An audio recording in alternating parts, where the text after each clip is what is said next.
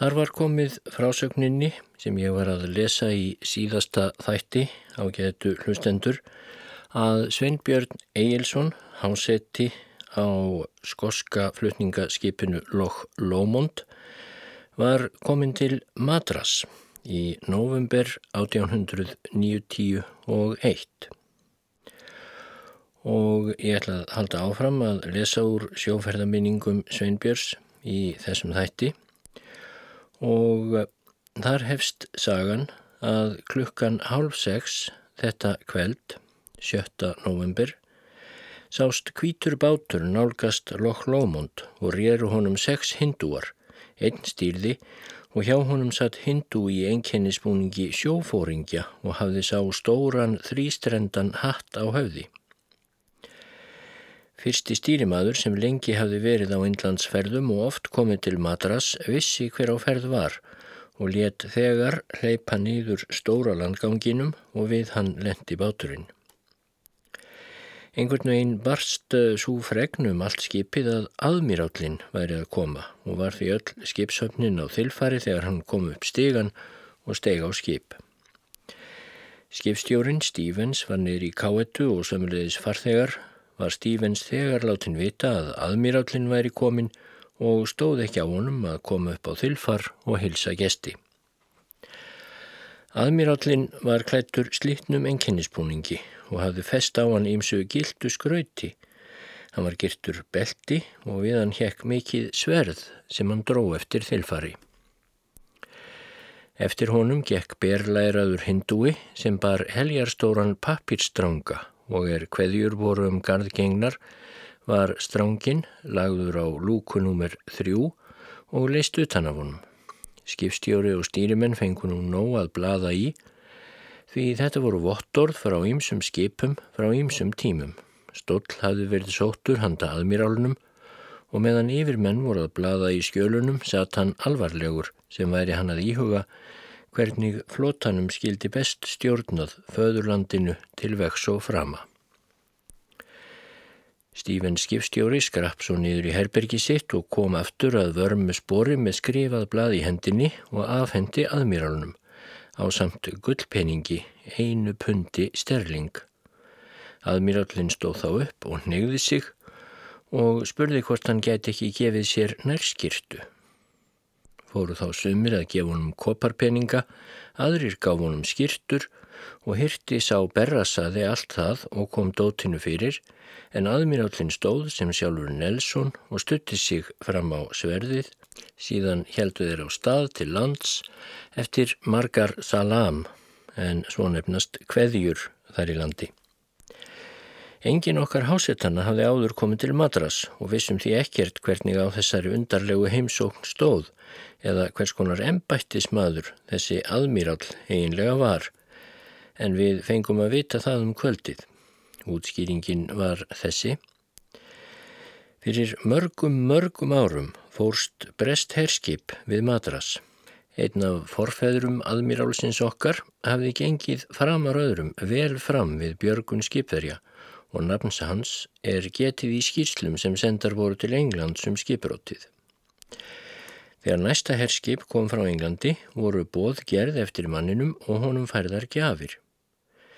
Engurum af yfirmönnum datt á í huga gef honum gamlan enkennisbúning sem maðurinn þegar fór í og þá byrjaði bell það sem haldist hefur síðan. Hann tók að fara út á hvert aðkomuskip sem síndi breska fánan og sína vottorðið heið fyrsta og byggja um vottorð frá skipinu sem hann heimsótti og fór að fá gjafir. Herskip sem komu endur nýjuðu enkennisbúning og menn tóku að kalla hann aðmírál og ekki leið á löngu þar til hann kallaði sig svo sjálfur. Eftir hann tók elsti sonur hans við þessu starfi ef svo má að orði komast og svo koll af kolli. Ættin hefur haft þessa atvinnu eða réttar sagt þetta betl á allt síðan og engin veit hver lengi það helst við. Skjöl þau sem aðmirallin framleggur eru vottorð frá skipstjórum sem koma til Madras um að hann hafi heimsótt skip þeirra og þar er árituð upphæð sem skipstjóri gaf. Það knýr alla til að gefa sem allra mest því enginn vil sínast nýskur. Frá farþegum kemur og álitleg fólka oft og einatt en hún mun engum gefin fyrir skemmtun þá er þessi skringilega sjón og aðtöfn veitir farþegunum. Hvort þessir aðmirálar kaupa bátana sem þeir koma með út í skipin skal ósagt hér en sá bátur sem við sáum var í góðu ástandi og hinn snirtilegasti. Hvort þeir sex sem réru voru vinnumenn aðmirálsins veit ég heldur ekki, en hann satt sem merki kerti aftur í þegar hann var í leiðangrum þessum og allir tilbörður lístu því að hann áleit sig ekki minni mann en aðmirál breska flótans. Snemma næsta morgun var skipinu lagt við bólvirki og er gengið hafði verið frá festum byrjaði vinna við að koma brúnni sem við höfðum flutt til Madras á land.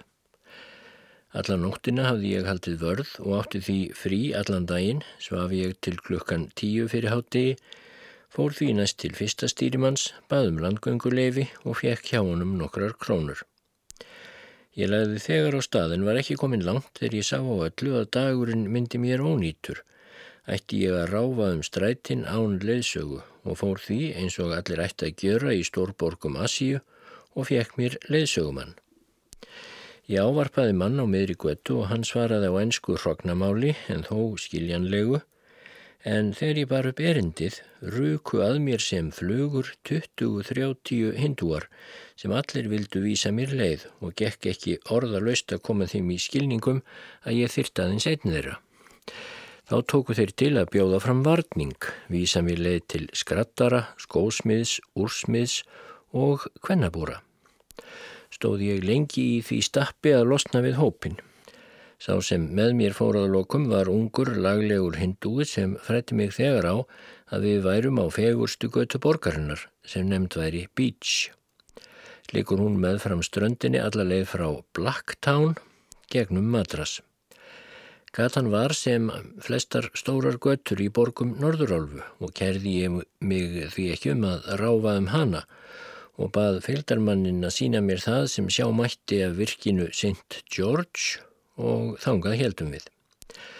Á leiðinni fórum við um margar þröngar og ljótar göttur sem fullar voru af fólki og húsin við sumar þeir voru mjög rörleg líktist umhverfið allt sumum útkjálkum Kalkúta þangað sem ég hafði áður komið mörgum árum fyrr.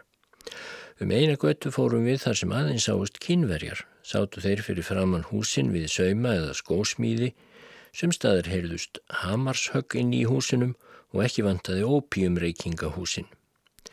Lítið sá ég hins vegar til kvennfólks og engin stúlka ávarpaði okkur á þeirri götu.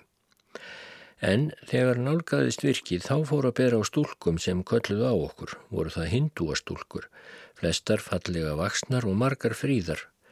Sumstaðar kölluðu negrakellingar á okkur og á þessu gekk þanga til við komum að húsi einu skamt frá virkinu. Fyrir utan það satt kvennmaður sem ég hefði hvar sem var ávarpað frú Præs. Því svo mjög var hún áþekk konu sem ég hefði kynst í Kalkúta á sínum tíma. Ég kallaði því frú Præs til hennar en hún saðist ekki heita það, heldur Mary. Andlit hennar var eins og andlit minnar gömlu vinkonu í Kalkúta og þegar hún reys upp stóð fyrir framann okkur hinn stóri fallegi skrokkur frúarinnar, berað ofan, brjóstinn sem minn góði vinnur Baron von Luditz í Kalkúta grét við og kisti, ræður af ást og rommi. Þau brjóst voru eins, dásamleg, gljáandi en dökk og hlutuð að verða þeim ógleimanleg sem einu sinni leit þau. Meðan ég var að virða kvennmannin fyrir mér komu fjórar negrastúlkur út úr húsinu sem í engu gáfu henni fyrstu eftir að stærð og vænleik. Ensku töluðu þær allar svo skilja mátti og hófust brátt viðræður og með því mér var forvitni á að heyra eitthvað úr lífi þessara fimm kvalfiska spurði ég hvort þær hefðu nokkuð að drekka og var það til reyðu, pálmatotti, rom og hollenskur séniver.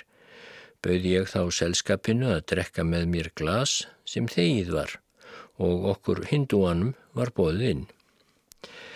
Aldrei hefði mér dottið í hug þremur mánuðum áður þegar ég var stattur á Lilju vestur á Kópagrunni við Ísland að ég myndi aðeins þremur mánuðum síðar sitja með hindúa og fimm negra stelpum austur í Asíu og segja mig þar úr bindindi stúkunni Daniels hér í Hafnarfyrði en þannig er nú lífið. Viðkynning okkar frú Præs frá Kalkúta hjálpaði mér mjög í þessu samkvæmi. Hindúinn drakk pálmatotti en stelpunnar og ég rom, svo sem ég ávarpaði fyrst, bar drikkin á borð og var það skrítin sjón að sjá þennan mikla kvennmann ganga um beina hálf nakin.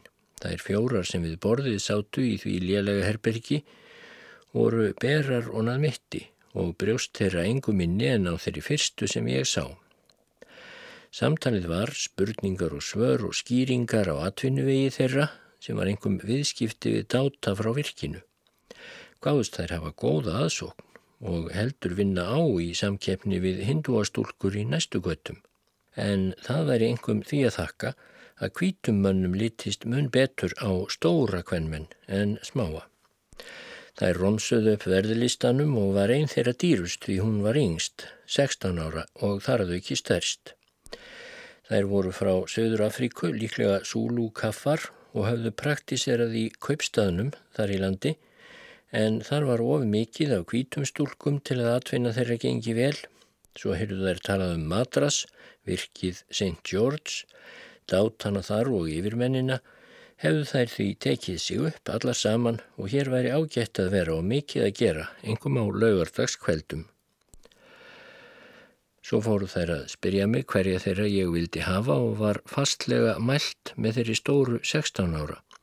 En þegar hér var komið var svitaliktin af þessum fimm báknum orðin svo megn að ég gæti ekki haldist við lengur og til þess að þurfu ekki að þinga lengi við dömurnar en sleppa út sem fyrst, sagði ég þeim að ég hefði helst kosið að sofa heila nótt hjá þeim öllum en þar sem stæðið þannig áfyrir mér að þetta veri annað árið sem ég væri veikur af indverskum sífilis, segi ég mér ekki fært að skipta við þær. Ekki virtist þeim bregða við þessa fregn en liðilega gekk að sleppa frá þeim.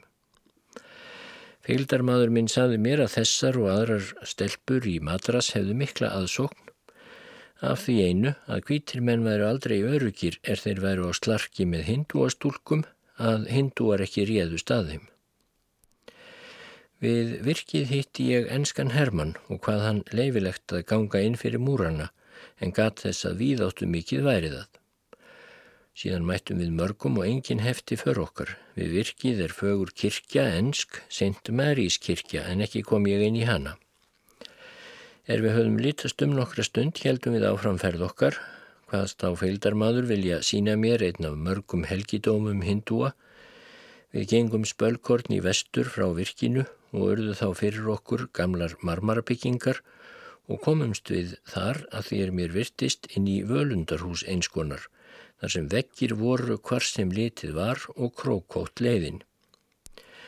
Við einn vekkin sá ég pakótu eða musteri á gríðarstórum vagnni var pakótan skreitt blómum og ymsum litum. Fylgdarmadur sagði þá, þetta er jaganað, það er herra veraldarinnar. Það er hann sem setur í miðri pakótunni og þegar regnið byrjar í júni og júli þá er vagnaháttíðin. Þá er pakótan tekin út hérðan og henni ekið eftir vissum reglum og dragana þá hundruð manna. Ég virti helgidómin fyrir mér og dáðist að þeirri reglu og viðhöfn í trúarbræðakerfi hindúa sem svo martir verður á vegi framandi manns í austurálfu bendir til. Ég þakkaði svo hindúanum fyrir að hann hafi sínt mér þetta og lofaði að bæta honum upp um samið kaup. Síðan heldum við til skemmtigarðsins People's Park og kvildum okkur þar. Garði þessum lýsi ég ekki, hann var eins og flestir garðar í brunabeltinu sem séðir um, skrautlegur og stórkostlegur. Stór hísi eru mörg í nákrenni og einan um lítil hús.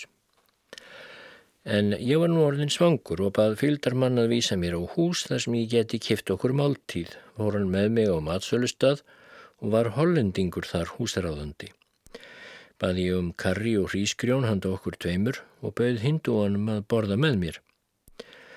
Nú er máltíðin svo að í karrimaukinni eru kjötbyttar og sökum þess að ég vissi að sumir, ef ekki allir trúarbræðaflokkar hindúa, meg ekki borða kjött, sagði ég við fylgdarmannin, þú mátt vist ekki borða kjött. Því svarað hann svo, mý Kristjan. Það er, ég er Kristinn og tók þegar til matarsins og átti ekki minna kjött en ég. Að ég færið nýsast frekar í trúarbröð hans kom ekki til mála, en Bramíni hvaðast hann vera þegar við vorum að skoða pakótuna fyrir tæpri klukkustund, þar að segja alltaf því heilagur maður í hópi hindúa. Ég sá tvo fakýra en slíka hafði ég séð áður svo þeir stöðuð ekki för mína en það var tími til komin að vita hvað skipi mínu lokk lómondi liði. Er við vorum komnir það langt að ég sá skipið, gerði upp við fylgdarmannin og þakkaði honum fyrir góða fylgd. Á leiðminni út á skip gekk ég fram hjá húsi einu og benti skildi sem hekk á vegg þess að hér væru lestrarstofur fyrir sjómenn og trúbóð. Ég gekk inn og kom umsjónarmadur lestrarstalarins á móti mér og bauð mig velkomin. Var hann englendingur og hinn alúðlegasti. Ég bað um botla af te og ætlaði að líta í blöð meðan ég stæði við en umsjónarmadur settist hjá mér, spurði á hvaða ferðalagi ég væri og er ég hafi leist úr því fór hann að spyrja mig hvort ég væri trúaður, hvort ég væri á leið til Guðs og alla þá leksíu sem ég hef svo oft verið spurður út úr á lestrarstofum sjómana.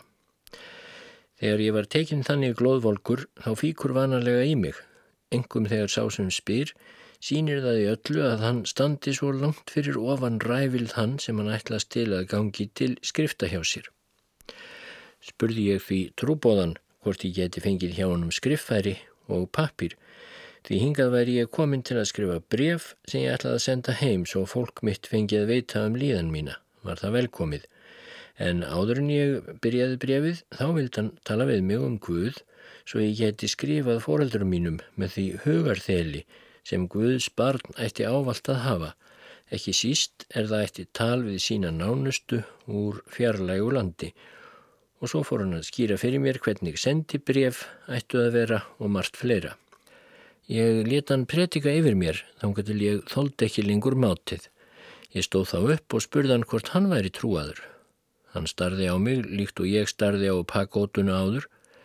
Hann spurði mér loks hvað ég myndi og svaraði honum því að engin vel innrættur myndi tefja sjóman sem nauman tíma hefði frá því að skrifa fóreldurum sínum fáar línur til að gleyðja þá og sagði Jónum eins og var að hann væri ekki sá fyrsti trúbóði sem ég hefði hitt en hans og annara aðferð fældi menn frekar frá en hændi að lestrarstofum sjómana. Ætlaði ég nú að kveðjan, þar sem hann væri búin að koma því svo fyrir, að brefið hefði ég hérðan af engan tíma til að skrifa og svo fór ég. En þegar ég kom út á skip fekk ég að vita að brúin myndi ekki vera komin á land fyrir ná hátegi næsta dag. Andersson félagi minn saði mér að öll skipsöfnin hefði fengið landgönguleifi en hann og Ísen ættu að skiptast á um að halda vörða á þilfari. Ég var í fríi og þegar ég hafði matast skrifaði ég heim og fór síðan í rúmið. Andersson var þá að smá koma niður, vekk sér í pípu og bjóstan við að öll hersingin myndi blind full þegar hún kemi aftur. Gat hann þess við mig og hvaðst hlakka til að sjá Jenkins brunaliðsmann og hans reyfingar þegar hann dýri geraði köllunum upp á skipið. Það langaði mig einnig að sjá og bað Andersson að vekja mig þegar að því kemi. Klukkan tvöðum nóttina þá komu flestir skipsmenn og voru reyndar vel rólfærir en í einhverji stælu höfðu lent við skipshöfnin á gufiskipinu Clan Mackenzie sem einnig var í madras og höfðu tveiri að þrýr fengið blá augu en frekara var eigi að frétta annað en það að í bardaganum hefði Jenkins haldið uppi nokkur skonar reglu meðan aðrir flugust á en hann tók vist ekki þátt í handalagumálinu en var reyndar ekki í hópi þeirra fyrstu sem komu um borð.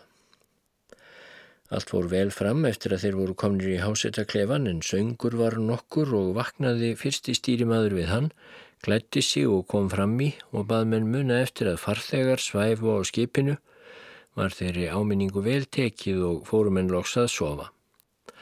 Undir morgun komu hinnir og hafa eflaust verið ítla til reyka. Því þegar vinnaskildi byrja gáttu tveir þeir ekki komist úr bælunum. Jenkins komst hins vegar á skrið en auk letinnar og hittans bættu snúið timburmenn. Áðurinn skipið fórur höfn var læknir sóttur til að aðtoga þá sjúku, gaf hann ímis ráð en bjóst við að þeir myndu hressast eftir einn eða tvo daga en sem stæði yrðu þeir að likja.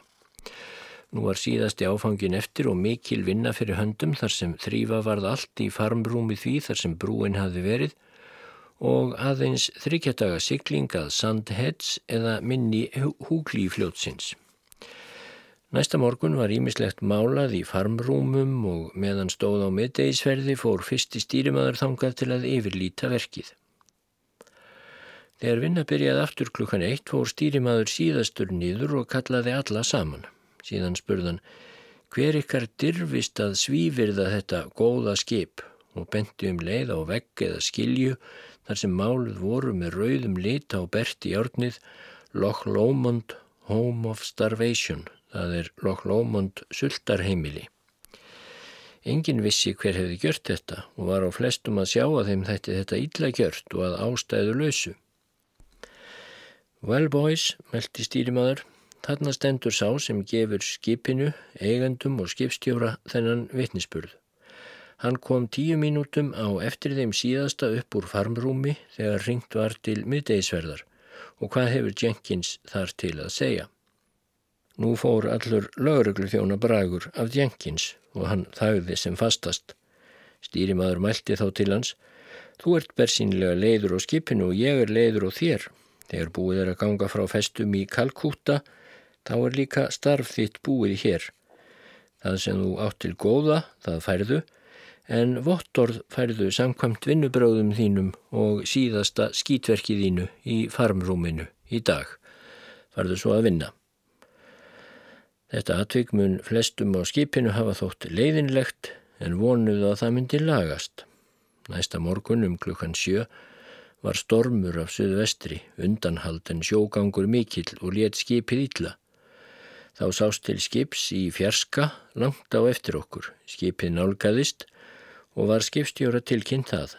Þegar hann kom á stjórnpall mununum hafa dóttið í hug að á eftir væri meðal siglari og átti tal við vélstjóra sem innan skams jók hraða úr 11 upp í 12 sjómílur en meirum átti ekki búast við af Loch Lomond. Skipið kom förðu fljótt á eftir okkur og eftir tæpa klukkustund var það samleið okkur, fáar mínútur, flögg og merki voru dreyin upp og þýtt. Þótt undarlegt megi virðast þá byrtist sjónsú sem fyrir okkur bar þessar fáu mínútur miklu sjaldnar á hafinu en ætla mætti.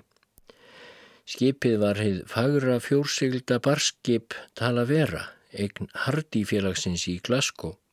Það hafði flest segl uppi þrátt fyrir stormin, úðinn að fróðinu og bóðaföllunum framundan því þyrlaðist upp á mitt frammastur og ferðin var geysileg. Þar sem ekki voru meira en 300 metrar millir skipana gátum við vel greint menn á því. Yfirmaður sá sem vörð hafði gekk fram og aftur á hálfdekkinu og við sáum þann sem styrði. Og allir störðum við á þetta tignarlega fagra skip er það rann fram með og fram úr skipi okkar og heldum við þó 11 milina hraða en það þeimun hraðara að eftir aðeins rúma klukkustund var það horfið. Setnipart dagsins sirti mjög og fyrir myrkur var komið byllandi rók og við íllastattir á nálega tómu skipi. Loftvók held áfram að lækka og allt var gjört sem hugsanlegt var til að mæta ofsanum í veðrinu því engum duldist að fellibílur væri í aðsíi eða við hefum þegar seilt inn í hann jafnvel. Það var ómögulegt að halda skipinu upp í veðrið og það ruggaði óurlega. Regnir kom í fossum úr skíunum og eldingum sló niður svo títt að þruman var eitt samhangandi hljóð, dýpra en dýfsti tótn á nokkur orgeli og sterkara en stærsta fallbissuskott. Klukka nýju um morgunin reyndi skipsöfnin að koma lúkuhlýf til kula í stórreiðan sem eftir margar tilraunir hefnaðist og eftir það lág skipið öllu nær vindi og let ekki eins ílla. Það tók ekki sjói á þilfar vegna þess hver létt og hátt það var á sjónum en allir munum við hafa óskað þá nótt að meiri stöðun hefðu verið í því þótt kostað hefði að þilförun hefðu fylst við og við.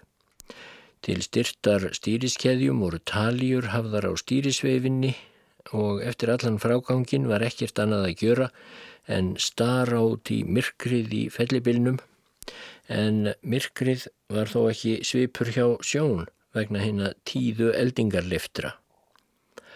Klukkan þrjú um morgunin fór loftvóg loks að stíga og halvum mánuði síðar fundum við að dró úr veðrinu og vissi skipstjóru og yfirmenn þá að við vorum að komast út úr storminum og líklega því að þakka að þeir hefðu sett stefnu frá Madras til Kalkúta í frekaralagi til austurs.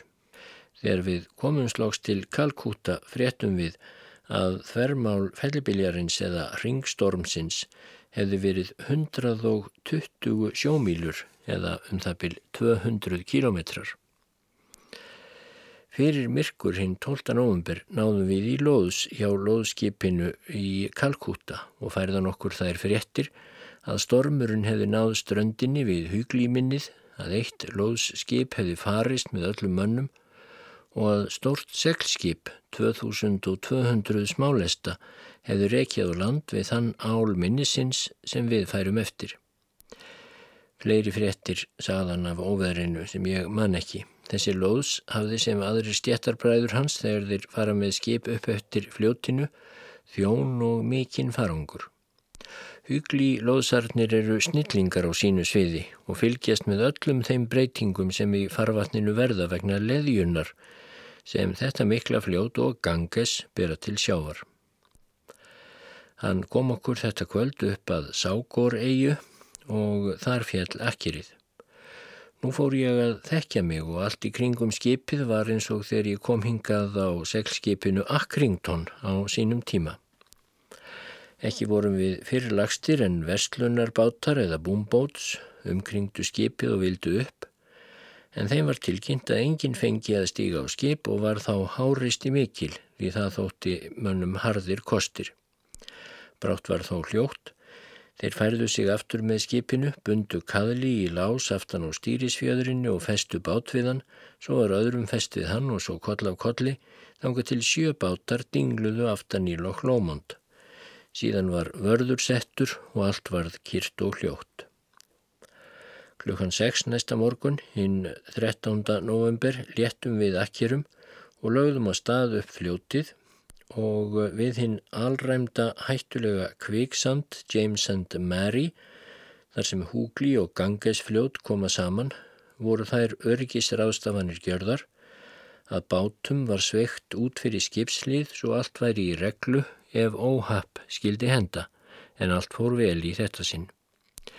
Við fjórir félagar sem stýrðum vorum ekki látnir stýra nema eina klukkustund í senn í stað tveggja sem síður var svo við værum æfinlega út kvíldir á þessum varasama stað. Klukkan fimmum kvöldið komum við að döblum þeim sem við áttum að leggja við. Bundum skipið með köðlum í þau því dimma tók svo kafarar sem festa áttu keðjum skipsins í ringi neðan á döblunum gáttu ekki unnið að því. Við lágum lítið eitt ofar á fljótinu en Akkrington hafði gjört á sínum tíma. Tollþjónar komu þegar út á skip og hófu sína vanalegu rannsókn sem leiðis kom umbóðsmaður lokklínunar eh, en læknir kom ekki og var öllum bannað að stíga á land það kvöld. Þeir sem veikir voru hafði ekki stíð úr rekju síðan við fórum frá matras og voru alls ekki vinnufærir en hver sjúkdómurinn var vissi enginn. Næsta morgun klukkan 6 komu kavarar, berir að vanda og festu keðjur í lása undir dublunum og enn á ný stóð ég og dáðist að dugnaði þeirra á leikni. Kvílíkir sundkennarar væri ekki þessir menn.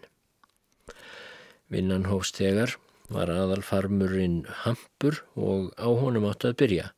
Gáttum við ekki vænst eftir mörgum dögum við land því kalkútaverkamenn eða kúljar eru snillingar að koma þeim farmi fyrir í skip og vinna bæði fljótt og vel. Klukkan átta kom læknir. Jörðum við allir að ganga fyrir hann og afklæðast. Eftir skoðun gaf hann skipstjóra vottorð, allt í lagi um borð, en eftir skoðun á þeim tveim sjúklingum í hásettaklefanum þá skipaði hann að flytja þá á spítala. Taldi hann veikindi begja vera klímafeber eða malaria trópika og hvað það geta dreyist alltaf mánuði að þeir eruðu vinnu og ferða færir. Um hátegi komu menn frá aðalspítalanum og tóku hérna sjúku til sín. Áður en læknirinn fór svo sjálfur frá skipinu voru allir kallaðir aftur á. Þar talaðan til skipsafnarinnar og taldi upp nokkra sjúkdóma sem gengu í borginni, til dæmis malaria, dísendria og kólera. Hann hilt langa tölu um indverskan sífilis og sagði okkur hvers við mættum vænta af samræði við óþögtar hindúastúlkur eða yfirleitt dökka kvenkinnið. Hann varað okkur við sterkum drikkjum, ímsum ávöxtum og undirbjó okkur príðilega til vendanlegarar landgöngu.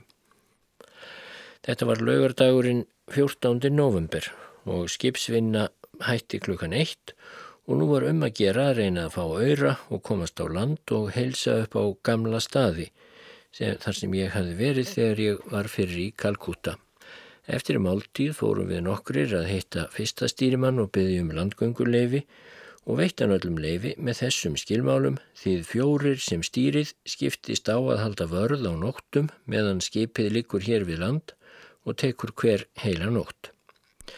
Aðrir eru frjálsir að vera á skipinu eða landi frá klukkan 5 eftir hátegi til klukkan 6 fyrir hátegi. Þanga til einhver eða einhverjir mæti ekki til vinnu sögum óreglu, þann dag sem það skeður verður leifi allra stöðvað. Eins og venjan var vörpuðum við fjórir vökumennir hlutkesti um hver vaka skildi hinn að fyrstu nótt og varð ísen fyrir því hnossi. Við fórum flestir á land og tókum Jenkins með.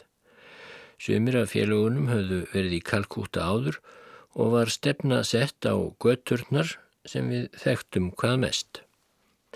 Eins og ávalt vil verða þegar skipsöfn fer á land að skemta sér tvístrast menn en þó heldum við þeim gamla góða síð að drekka allir glas saman áður en hver einstakkur lagði út á sína eigin expedition. Aldrei kynntist ég félögum mínum betur en þegar við áttum frí, fórum á land og fengum okkur glas saman. Drullusokkar, nyrlar og félagsskítar koma svo fljótt í ljós eftir fyrsta umgang að frekari viðkynningu þarf ekki. Eftir fyrsta glas eru þeir á nálum hvort nokkur muni stinga upp á næsta umgangi og hræðsla við að það komi við buttu þeirra er auðsæ. Og þegar þessir fiskar lenda í hópi kátrapilta þá líður þeim ekki vel. Þegar kemur að þeim að borga er það sár og augljós kvöl en þó vinna þeir það til svo þeir fá ekki á hann eða sé fleikt út og stríkt þegar upp á skipið kemur aftur. Við komum inn á stórt veitingahús í hverfinu The Numbers og voru þar fyrir hásettar frá ýmsum skipum. Þar hittum við hásetta frá fjórmastraða barkskipinu Caradale frá Glasgow, nokkra frá klan MacFarlane frá klanlínunni í Glasgow sem var seglskip og nokkra frá hennu frægaskipi Loch Torridon voru það gladir piltar og dugnaðarleir enda frá fínum og flott skipum og furðaði mig á að þeir vildu líta við okkur replunum frá hinnum hægfara Loch Lomond sem var að læðast um hafið segla laus og hvert einasta seglskip á höfninni gætt auðveldlega siglt uppi og skilið eftir í stinningskalda. En þó verði ég að segja það að Loch Lomond frá Dundee var vissulega korki yfirmönnum nýja skipshöfn til Neysu. Loch Lomond var fallegt guðuskip og að öllu leiti vel viðhaldið svo sem Asíuferðaskipum er best viðhaldið en á hugli lág líka seglskipið Loch Lomond frá Glasgow sem bar svo langt af okkar skipi að því get ég ekki einu sinni líst. Skipsöfnin af Loch Torridon sað okkur að Lochlína þeirra hefði sín föstu kvennabúr þar í nágruninu. Kendu stelpunnar sig við Lochlínuna og álitu sig starfsfólk hennar.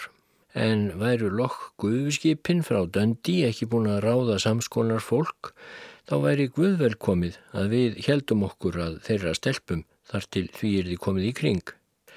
Ég vissi að þetta var sagt í góðu en einn okkar félaga, að nafni Manning, hreytti út úr sér rutta orðum og eins og dónum er títt þá vildan særa.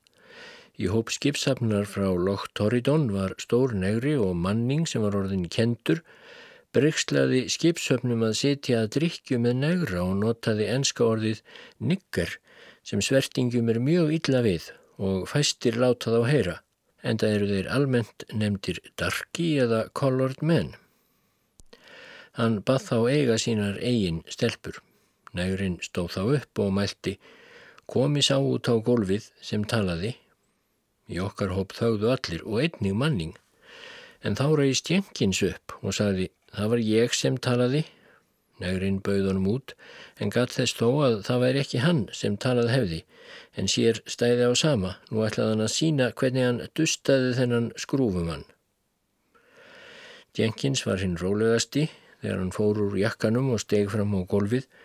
Allir þyrptust kringum þessa tvo rísa til að sjá sem best aðfarirnar og hvernig þetta myndi enda. Ég þóttist sjá að báðir kynnuðir að boksa Þeir slógu og báru af sér höggin og stóð Jenkins sem klettur og var hinn rólegasti en negrinn var orðin reyður og hefur líklega þótt setna ganga að fella þennan gufuskipamann en hann ætlaði í fyrstu. Nú gekk hann nokkur skref aftur og bakk og stíð svo fram aftur og ætlaði að slá Jenkins skalla sem er áurlegt högg þannig að sá sem fær það á tilætlaðan stað fer umsvegulegst í rót. En þegar hann ætlaði að greiða höggið, vek Jenkins sér til hliðar og greipum svíra anstæðingsins og fylgdi þannig eftir að negurinn stiftist á höfuðuð á gólfið. Þá grenjiðu allir fair play, fair play. Negurinn stóð upp og næsta aðtrenna byrjaði, menn kölluðu til þeirra á viksl og sögðu þeim að standa sig. Þeir kæfts högguðu korannan en miklu minna virtist að ætla verða úr þessu en búast mátti við af þessum stóru kroppum. Lóks fór Jenkins að reyfa sig og hann sló næran að lókum niður. Sá stóð upp og byrjaði aftur að slá, voru það þung og mikil högg sem hann gritti en okkar maður barði öll af sér og sáum við nú að hann gatt unnið þótt ekki léttónum að berja rið eða framkvæma aðra skipsvinnu. Það var sínilegt að hann kunni að bóksa en hann var mesta góðmenni og held ég að hann hafi ekki viljað skemma næran í framann eða þá að hann var að fá eitt letikastið sem við þekktum svo vel. Svo var farið að kalla til þeirra hvort þeir ætlaði að vera að þessu allt kvöldið. Nú væri þeir að gera út um misklýð tveggja skipsafna og menn vildu fá úrslitt. Þá slóð Jenkins nefran svo að hann stóð ekki upp fyrir þann tíma sem einhverjar reglur tiltóku og sem einhverjir í hópnum vildur láta fara eftir.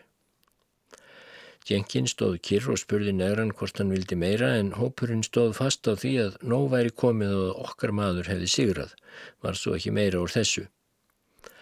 Við þökkuðum Jenkins fyrir og drukkum honum til og söngmaðurinn Horn sem var með okkur sagði að hvað sem stýrimaður Andersson segði um að láta Jenkins fara af skipinu í Kalkúta þá skildi það aldrei verða. Hvaðast hann fara til Stevens skipstjóra og segja honum hvernig hann hefði haldið uppi heðri Breitlands og skipsins í kvöld. Allt vinnuleysi, leti og mistök skildu Jenkins fyrirgefið fyrir framistöðu hans. Síðan fórum henn að dýnast burtu. Við ímsar hústýr voru hindúar sem kölluð á menn og myndu á að inn í húsunum væru stúlkurfalar sem og rom, sénifir og límonaði. Kom ég inn á tvö hús, fekk mér snaps og spjallaði við kvennfólkið. Voru þær flestar hindúastúlkur og margar fallegar og eitt er við alla hindúa kalla sem konur sem ferðamadurinn tekur fljótt eftir er það kurteysi þeirra og falleg framkoma. Jafnvel gleðistúlkurnar sem hver og einn getur kift fyrir fáaöyra eru gjör ólíkar stallsisturum sínum í hinnum svonemdu síðuðu löndum. Hindúastúlkur drekka ekki vín að jafnaði. Margar þeirra tala ensku en bölv og ragn faraður ekki með. Ekki skamma þær og svífirða framandi mann sem inn til þeirra kemur þótt hann engin afskipti hafi af þeim en allt þetta gjöra kvítustúrkurnar sem gefa sig að sjómönnum í stórborgunum og hjá þeim hef ég séð dýrslegast framferði. En nálagt þeim húsum í Kalkúta þar sem hindúastúlkurnar eru má líta annað framferði og þar eru stúlkur sem sína frekju og svífa steinskís. Eru það negra stúlkur, malajar, múlattar og kinnblendingar ymsir. Drykkir sem fást í þeim húsum þar sem þær halda til eru hinnir verstu og æsandi mjög. Öll þau hús hafa sendla. Fara þeir út á skipinu og útbytta spjöldum með nafni og númeri húsana Þangað leita svo framandi hásettar og það er þar sem eh, indverska sífílisinn er að fá. Mér hafi lengi langað til að frétta eitthvað um Accrington, fyrsta langferðaskipið mitt sem skildi mig eftir veikan í Kalkúta vorið 1886. Datt mér í huga að skreppa inn á lestrastofu sjómanna og leita þar frétta og aðtúa skipalistan sem ég vissi að varðar. Hús þetta er skamt frá göttum spillingarinnar og mörgum sjómanni hafa þar verið gefin góð ráð. Ég var naumast komin inn þegar forstöðumadur húsins kom á móti mér, bauð mig velkomin og spurði mig af hvaða skipi ég væri. Ég vissi að hann myndi finna vínlikt af mér og bjóst við pretikun því ég var farin að venja stímsu. Ég hefði komið á ýmsar lestrastofur í Hafnarborgum og eru forstöðumenn að öllu jöfnu trúbóðar sem halda guðstjónustur og sjá um reglu. Á þessa staði hafði ég komið algáður, kendur, hálfur eða stöytfullur og þá vanalega tekið á móti mér með þessum orðum trúir þú á Guð, eins og ég sagði frá áðan. Nú er það svo með mig að þegar ég hef fundið á mér þá hefur samtal við trúbóðana orðið tómur miskilningur. Þeir ætlað fræða mig en þar sem ég einu sinni nálega var orðin prestur þá finn ég að mér skilt að miðla þeim af mínum lærdómi, engum af því sem bendir mér á tilveru skaparans en sem mér finnst fara fyrir ofangarð og neðan hjá sömum. Vanarlega hefur svo samtalið endað þannig að þeir hafa sagt mér í mesta bróðerni að ég væri á leið til glóandi helvítis og væri þar að þau ekki á hraðri ferð. Á lestarastofu þeirri sem ég kom nú inn á voru öðruvísi móttökur. Forstöðumadurinn hafði verið sjómaður sjálfur og skildi sjóminn og það hænir að. England styrkir lestarastofurnar og þeim stýra menn sem það trúir til þess. Ég fann ekki Accrington á skipalistanum en þegar ég ætlaði að fara bauð forstöðumadur mér að koma aftur og hétt mér blöðum og bókum til að lesa á leiðinni til Englands. Ég fór aftur út að stara og horfa á fólkið á göttunum sem var margt þetta kvöld sem var lögadaskvöld og margir í landi frá þeim 70 til 80 stóru skipum sem á fljóttinu lágu. Ég hitti tvo félaga mína en skildi aftur við þá og skömmu síðar mætti ég Jenkins sem var orðin þreyttur á, á þessu striti og vildi fara að kvíla sig og því fór verð að hann þurfti ávalt að vera því. Ég böðist til að fylgjónum og komunum áleiðis sem ég gerði þannig að ég náði ferjumann skipsins og sáð honum að fara með Jenkins út á skip en sjálfur snýr ég við og skundaði upp í German Barracks til að sjá hvernig þar væri umhorfs en þar þekkti ég allt frá gamalli tíð. Ég fór inn í hús þar sem leikið var á hljóðfæri og verið að dansa, var þar margt manna dátar frá Fort William, sjómenn og kvítarstúlkur. Ég bað um grogg sem er rom og vatn, settist við borð og leiti yfir hópin sem var að dansa. Mér var starfsýnt á eitt parið, var það feitur Karl og dama í bestu holdum. Karlinn var í kvítum léreftsfötum með stóran korkhatt á höfðinu. Ég starði á mannin og loks þekkt í hann, var þar komin Maklín, bátsmaður og Loch Lomond, áður á klan Buchanan.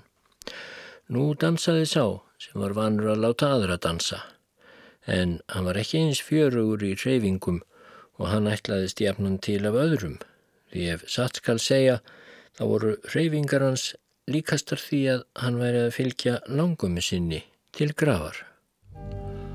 Og margt er enn ósagt af atbörðum þessa kvölds og þessarar nætur sem í hönd fór í Kalkúta en frásögn af því verður að býða betri tíma.